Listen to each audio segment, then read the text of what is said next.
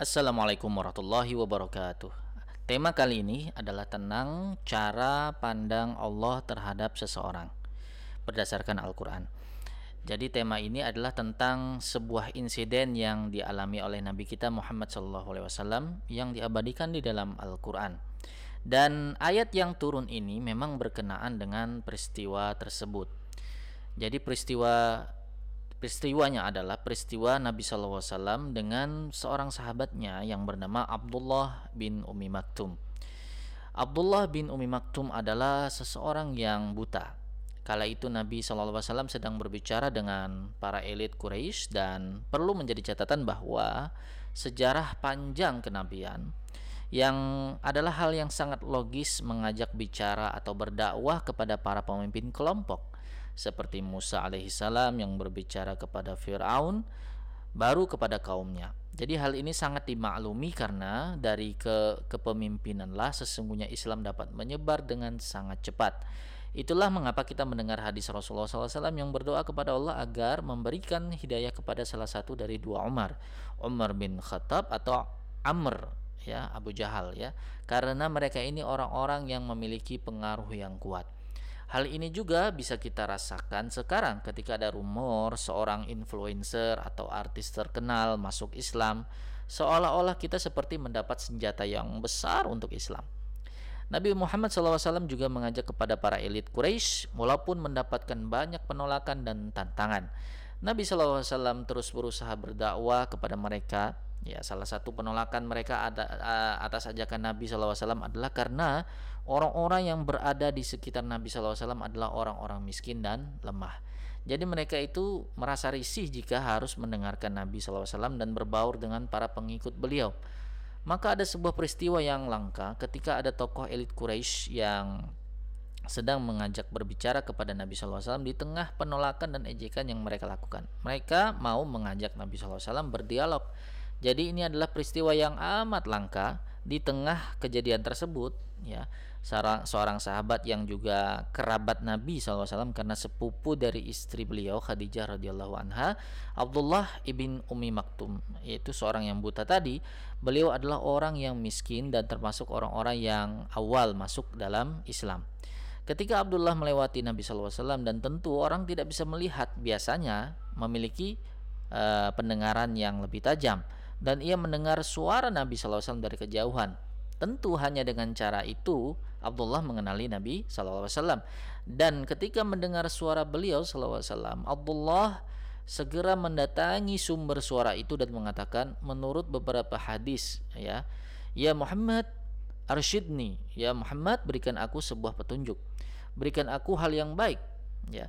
Jadi di hadis yang lain dikatakan Al alimni bima 'allamakallah. Ajarkan aku apa yang Allah ajarkan kepadamu.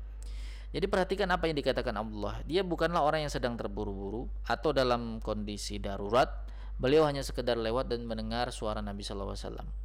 Tapi situasinya adalah Nabi SAW sedang terlibat pembicaraan serius dengan tokoh elit Quraisy situasi yang amat sangat langka yang mungkin tidak pernah terjadi lagi dan apabila Abdullah ikut terlibat di situ dan Nabi Muhammad SAW melayaninya tokoh elit ini pun akan pergi dari Nabi kita Muhammad SAW dan Nabi akan kehilangan kesempatan atau momen untuk berbicara kepada mereka jadi ini situasi yang sangat rumit. Di satu sisi Nabi SAW tidak ingin mengecewakan Abdullah, di lain sisi Nabi juga tidak ingin kehilangan kesempatan untuk berbicara kepada tokoh elit Quraisy. Jadi yang dilakukan Nabi SAW sungguh sangat jenius sebenarnya. Nabi SAW mengatakan kepada para elit tersebut, Hal tarobima aku lu baksen eh, dari semua yang kukatakan kepada kalian apa ada yang uh, menjadi pertanyaan atau ada yang menjadi masalah.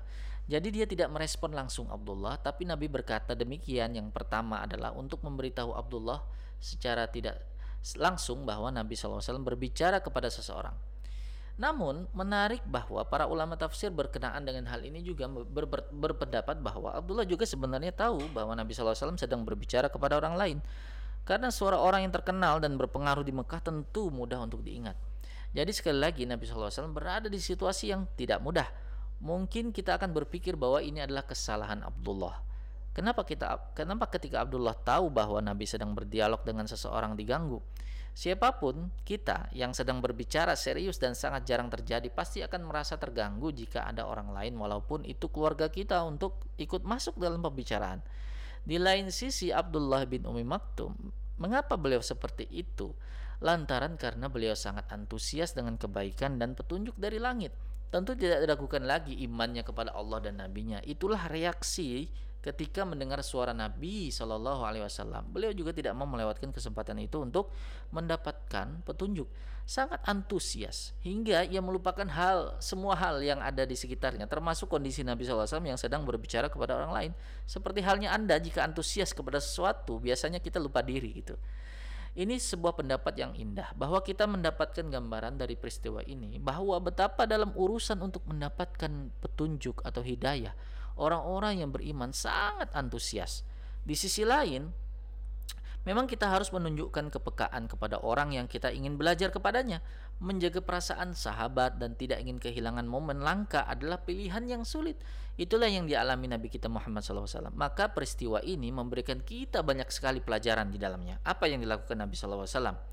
Allah melukiskan peristiwa tersebut melalui ayatnya di surah Abasa ayat pertama. A'udzubillahi minasyaitonirrajim. Abasa wa tawalla Kata abas itu bermakna lekukan di antara dua mata, seperti orang yang tidak suka terhadap sesuatu. Jadi surah ini diawali dengan sikap Nabi SAW yang berwajah masam dan berpaling. Pertanyaannya, kepada siapa itu ditujukan? Di ayat ini tidak disebutkan kepada siapa. Di sinilah indahnya akhlak Nabi SAW dan pelajaran dari Allah Subhanahu Wa Taala bahwa beliau tidak menyalahkan seseorang. Hanya beliau tidak suka dengan situasinya namun ada hal yang menarik di sini. Anda bayangkan jika Anda berbicara hal penting kepada seorang gubernur misalnya, lalu datang orang buta memanggil Anda. Ada jurnalis yang melihat peristiwa tadi, lalu Anda bermuka masam dan berpaling kepada gubernur. Tentu jurnalis akan mencatat peristiwa itu dengan catatan ya, misalnya dia pun berpaling kepada gubernur dia pun berpaling kepada gubernur. Tetapi di ayat ini Allah tidak menyebutkan kepada siapa Nabi Shallallahu Alaihi Wasallam berpaling. Allah ingin mengajari kita juga melalui Nabi Shallallahu Alaihi Wasallam bahwa siapa sesungguhnya orang yang penting itu di hadapan Allah Azza wa Jalla. Bagi Allah, VIP itu adalah siapa? Di ayat selanjutnya Allah Azza wa Jalla berfirman, Anja'ahul a'ma. Karena telah datang seorang buta kepadanya. Mengapa kata buta? Bukannya ini seperti menghina. Allah menggunakan kata ini untuk menggambarkan betapa kerasnya usaha Abdullah untuk mendatangi Nabi Shallallahu Alaihi Wasallam di tengah keterbatasannya. Jadi kata al-a'ma sebutan penghargaan adalah sebutan penghargaan dari Allah atas usaha yang dilakukan Abdullah bin Umi Maktum ini juga menjadi penghargaan Allah bagi siapa pun yang memiliki keterbatasan dalam hidupnya. Ketika dia berusaha untuk mempelajari agama ini, maka Allah menjadikan mereka termasuk orang-orang yang VIP di sisinya. Anda tahu setelah peristiwa ini Nabi SAW tidak pernah lagi berpaling dari Abdullah. Setiap beliau datang, selalu beliau berkata, Selamat datang, ahlan wa sahlan. Apa yang engkau butuhkan, wahai Abdullah? Rasulullah memperlakukan beliau selayaknya VVIP. Setelah ayat ini turun, Fa'anta anhu talaha. Selama hidupnya Nabi SAW tidak pernah mengabaikannya. Dan kalau kita lihat peristiwanya pun, Abdullah tidak bisa melihat wajah Nabi. Ya kan? Nabi SAW ketika ia datang dan ketika Nabi berpaling darinya, Abdullah tidak merasa tersakiti. Abdullah hanya tahu pada saat Nabi membacakan ayat ini di depannya berkenaan peristiwanya. Bahkan standar Nabi SAW, ia hanya berwajah tidak suka dengan situasi tersebut. Tetapi bagi Allah peristiwa itu amat sangat penting. Abdullah orang yang sangat penting di mata Allah. Maka Nabi SAW pun sadar akan hal itu. Bahwa gara-gara peristiwa yang mungkin kita anggap sepele itu, Allah menegur Nabi SAW di surah ini. Ini juga mengajarkan kita hal yang penting, bermuka masam di hadapan orang yang tidak bisa melihat saja. Allah menegur nabinya, apalagi menampakkan wajah yang tidak nyaman di hadapan orang yang bisa melihat kita. Ketika Nabi SAW menampakkan wajah yang masam di ayat selanjutnya Allah Subhanahu wa taala berfirman, "Wa ma yudrika la'allahu yazzakka." Tahukah kamu barangkali ia ingin membersihkan dirinya dari dosa? Au yazzakkaru fatanfa'u dzikra atau dia ingin mendapatkan pengajaran lalu pengajaran itu memberi manfaat kepadanya. Sungguh teguran yang kuat dan pembelaan yang tinggi dari Allah bagi Abdullah bin Umi Maktub amma man istaghna adapun orang yang merasa dirinya tidak butuh dengan apa pun apalagi dari wahai Nabi sallallahu alaihi wasallam.